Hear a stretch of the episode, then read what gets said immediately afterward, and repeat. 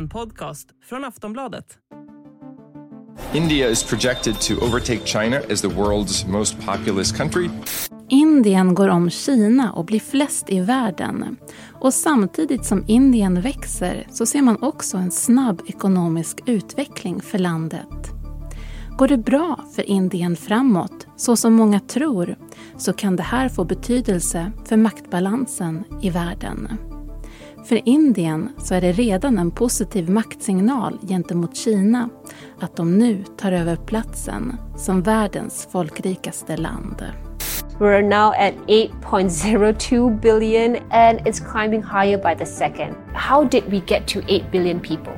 Det är inte bara Indien som växer i antal. Idag är vi 8 miljarder människor i världen och vi förväntas öka till 10 till 11 miljarder innan världsbefolkningen når sin topp. Klarar världen, som redan nu står inför klimatutmaningar, så många människor? Idag i Aftonbladet Daily så pratar vi om det växande Indien. Hur kan Indien komma att påverka maktbalansen i världen? Och jorden, hur många människor tål den? Jag som är med er, jag heter Eva Eriksson. Dagens gäst det är Wolfgang Hansson, utrikespolitisk kommentator på Aftonbladet. Han får börja med att svara på om Indien gått om nu. Ja, eller de kommer göra det inom kort. Det är väldigt svårt för de som håller koll på världens befolkning att säga exakt eh, datum och exakt hur många människor som, som finns på jorden. Därför att eh, i Indien till exempel så har man inte haft någon folkräkning sedan 2011. Den man skulle ha haft för några år sedan den eh, frös inne på grund av pandemin. Så att man gör ju det här utefter beräkningar och därför så kan datumet variera lite till när, när det exakt inträffar. Men hur stor befolkning har Indien? Indien kommer att ha nästan 1,5 miljarder nu då. Och Indien och Kina tillsammans, alltså nu när Indien passerar Kina så är det ju bara med några miljoner människor så att säga. Eh, bara.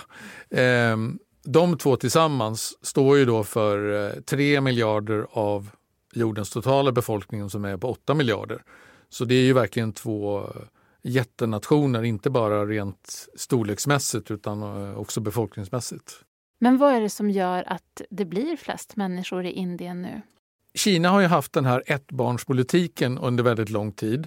Och det gjorde man ju för att få ner befolkningsökningen. Sen har man upptäckt att oj då, nu blev vi visst kanske lite för få, så nu vill vi att folk ska skaffa fler barn.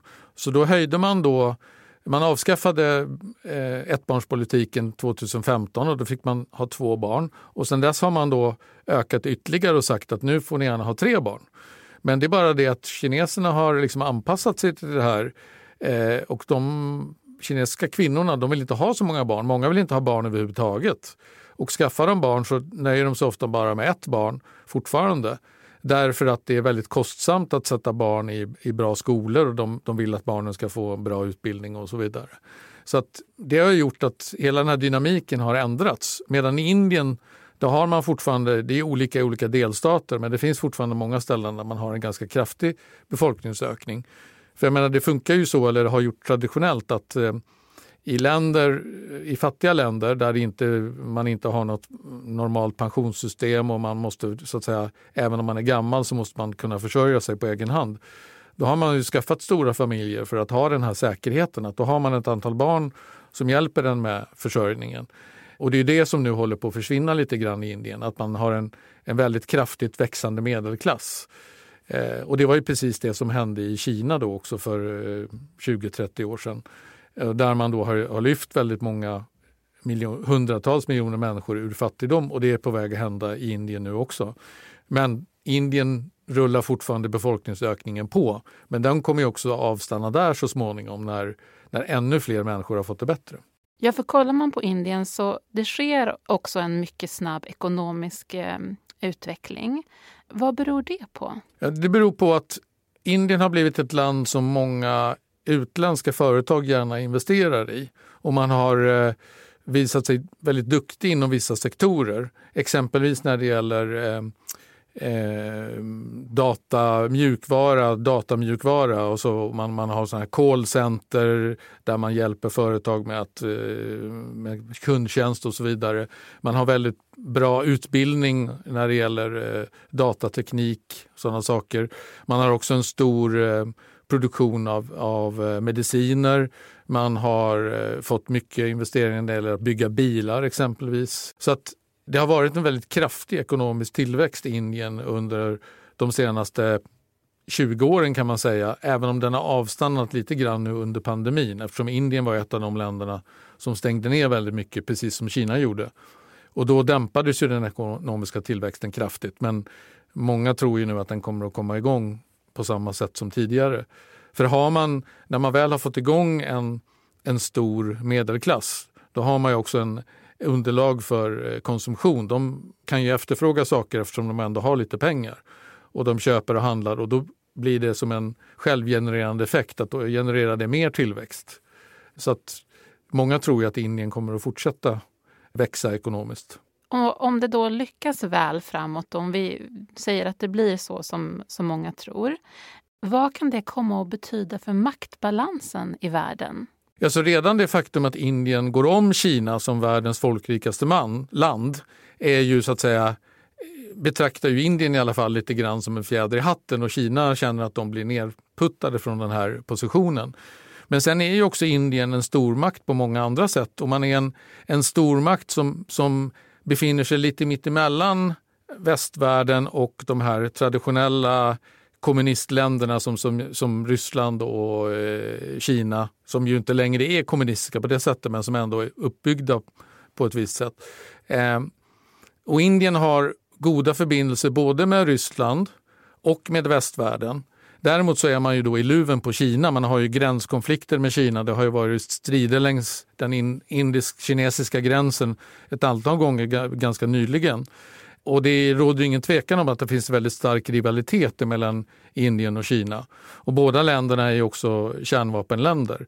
Så att det är klart att när i takt med att Indien växer sig starkare ekonomiskt så kommer också eh, nationalismen att växa i Indien och det har den ju redan gjort nu under den nuvarande presidenten Narendra Modi. Och eh, Indien kanske kommer att kräva en, en, större plats på världsscenen helt enkelt och eh, kommer att mer aggressivt driva sina eh, nationella intressen än, än, vad man har gjort hittills. Och det är ju sånt som kommer att märkas både i Asien men kanske också även på andra håll i världen. Kan du ge något exempel, eller är det för spekulativt kring hur Indien då skulle kunna citattecken röra om i maktbalansen?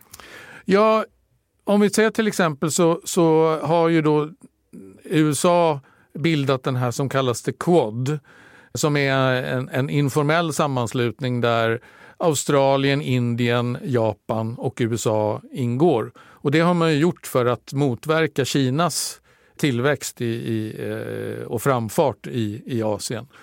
Och där spelar ju in, Indien på den västerländska planhalvan medan man samtidigt nu då köper väldigt mycket olja och vapen ifrån Ryssland trots att västvärlden har lagt sanktioner på handel från Ryssland och särskilt när det gäller olja och gas. Men nu passar Indien på att köpa billig rysk olja och man har goda förbindelser med, med Moskva som sagt och det gör ju att man man befinner sig i den här lite mellanpositionen där man kan påverka åt båda håll. Man sitter inte riktigt fast i något av lägren. Eh, och det är, I dagens läge så är det lite ovanligt om man nu pratar om en, ett väldigt stort land att man inte liksom så är med i, i något av lägren fullt ut. Vi ska strax prata mer med Wolfgang Hansson.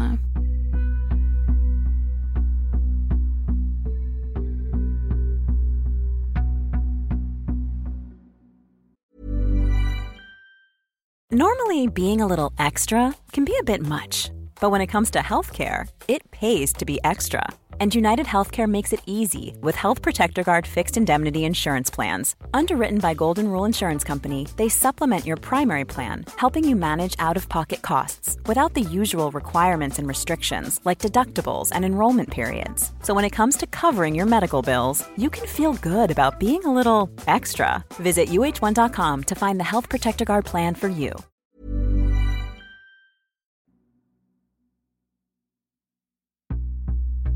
Vi ska också prata om hur många människor som jorden tål, vilket är kanske lite en kontroversiell fråga. Ja, många tycker att det är en kontroversiell fråga. Jag förstår inte riktigt varför, men, men det är många som då tycker implicit så ifrågasätter man då exempelvis många människor i, i, fattiga länder som skaffar väldigt många barn och varför de gör det och hur man ska kunna stoppa det. Och det, det finns väl lite vibbar av det här liksom att eh, eh, Eh, hur ska vi kunna minska befolkningen? Ska vi eh, avliva folk? Eller, eh, och det, det kan ju inte bli frågan om. Så, och jag tror att det är därför som eh, det här kan uppfattas som kontroversiellt. Men samtidigt är det en högst relevant fråga eftersom vi blir ju nu väldigt många fler. Jag menar, idag är vi 8 miljarder. 1920 så var vi 2 miljarder. Det är en enormt kraftig ökning som har skett och den kommer att fortsätta. Det beräknas att det kommer att ta ända fram till eh, kanske sekelskiftet eller 2070, 2080 innan eh, befolkningen når kulmen och då kommer vi vara någonstans mellan 10 och 11 miljarder ifall de här prognoserna eh, slår in. Och det här är en situation samtidigt som vi har det här klimathotet. Vi måste minska eh, människans utsläpp och det blir ju väldigt svårt om du samtidigt har väldigt många fler människor som efterfrågar eh, kläder, bostäder, eh, bilar, eh, all den här konsumtionen som, som följer med av att vi blir fler. Så blir det ju ännu mycket svårare att minska utsläppen än vad det skulle vara om vi vore mera, hade mer konstant befolkning.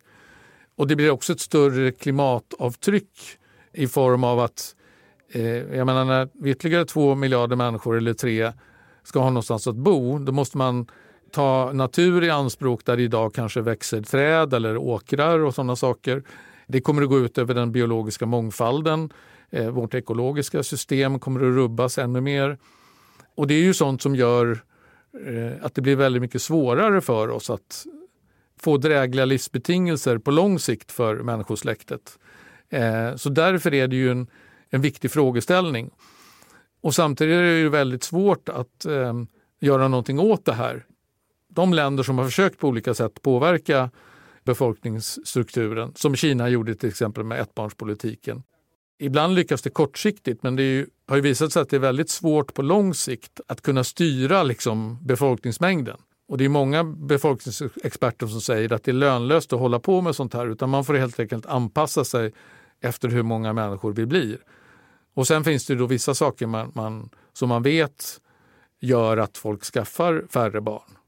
Eh, exempelvis. Och vad skulle det vara för någonting till exempel? Ja, det är ju om man tittar på när länder där människor får en bra utbildning, alltså där befolkningen är generellt sett välutbildad och där levnadsstandarden höjs då sjunker också befolkningstillväxten väldigt kraftigt. Forskarna säger att om, man har ungefär, om det föds ungefär två barn per kvinna så upprätthåller man befolkningen på en hyfsat bra nivå. Idag i västvärlden så är, ligger befolkningsökningen betydligt lägre än så i många länder. Medan de i, de, i vissa fattiga länder och särskilt i Afrika så ligger, kan den ligga bortåt fem eller sex eh, barn per kvinna. Och det blir ju när, när, när man inte längre behöver vara orolig för att man inte ska kunna försörja sig själv på sin ålderdom, då försvinner också motivationen till att skaffa så många barn. För jag menar, då behöver du kanske inte bo lika stort du, och du, liksom, när du väl vänjer dig vid ett mer större välstånd så blir det andra saker som Eh, som spelar in. Eh, du kan ha tid att skaffa dig fritidsintressen och sådana saker som gör att det, du inte behöver skaffa så många barn och det gör inte folk. I genomsnittet i alla fall gör inte det. Vilka är det som har störst påverkan på jorden och dess resurser? Ja, det är väldigt orättvist på det sättet att det är ju väldigt tydligt att det är de rika människorna. Och med de rika menar jag då i stort sett alla människor som lever i västvärlden och i utvecklade länder även om de själva inte betraktar sig som rika så är de rika i de fattiga befolkningarnas ögon. Och eh, det är ju där man förbrukar alla jordens resurser med att man har, man har en väldigt stor konsumtion. Det, eh, man köper mycket kläder, man åker bil, man eh, skaffar sommarstugor, man bor större och så vidare. Och det gör ju att vi, förbrukar mycket mer av jordens resurser än vad de fattiga gör. FNs befolkningsfond, som ju de som hela tiden håller koll på det här, de säger ju att 5,5 miljarder av jordens 8 miljarder människor nu, de är så fattiga så de, de gör nästan inget avtryck när det gäller eh, klimatet exempelvis. Åtminstone väldigt mycket mindre än, än vi i den rika världen. Så lika mycket som man då det kan finnas ett syfte i att ställa frågan hur många människor tål jorden så är också då kanske dags och läge att ställa frågan vad tål jorden? Ja, och det är ju det som många gör nu i, i, i västvärlden när man säger att vi måste minska vår konsumtion, vi måste sänka vår standard och så vidare. Det är ju lätt att säga men det är ju väldigt mycket svårare att genomföra för det finns, finns ju väldigt få politiker som är beredda att gå till val på att genomföra en impopulär politik där människor ska få det eh, materiellt sämre. Hela vår eh, tid på jorden har ju gått ut på att vi ska få det liksom materiellt sett bättre hela tiden. Eh, så det är en väldigt svår omställning. Men det är också viktigt att ha det i åtanke när man så att säga lägger skulden på dem som har väldigt stora familjer. Att de kanske har många barn men det är ändå så att de förbrukar väldigt mycket mindre av jordens resurser än vad små familjer gör här i västvärlden. Det sa Wolfgang Hansson, utrikespolitisk kommentator på Aftonbladet. Du har lyssnat på Aftonbladet Daily med mig, Eva Eriksson, och vi hörs snart igen.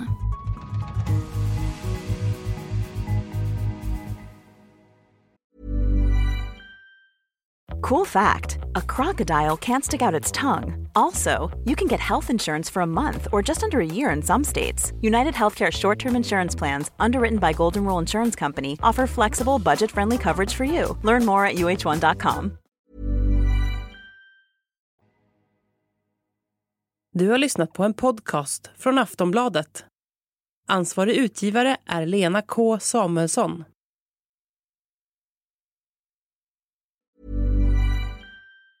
Tired of ads barging into your favorite news podcasts? Good news. Ad-free listening is available on Amazon Music. For all the music plus top podcasts included with your Prime membership. Stay up to date on everything newsworthy by downloading the Amazon Music app for free or go to amazon.com slash news ad free. That's amazon.com slash news ad free to catch up on the latest episodes without the ads.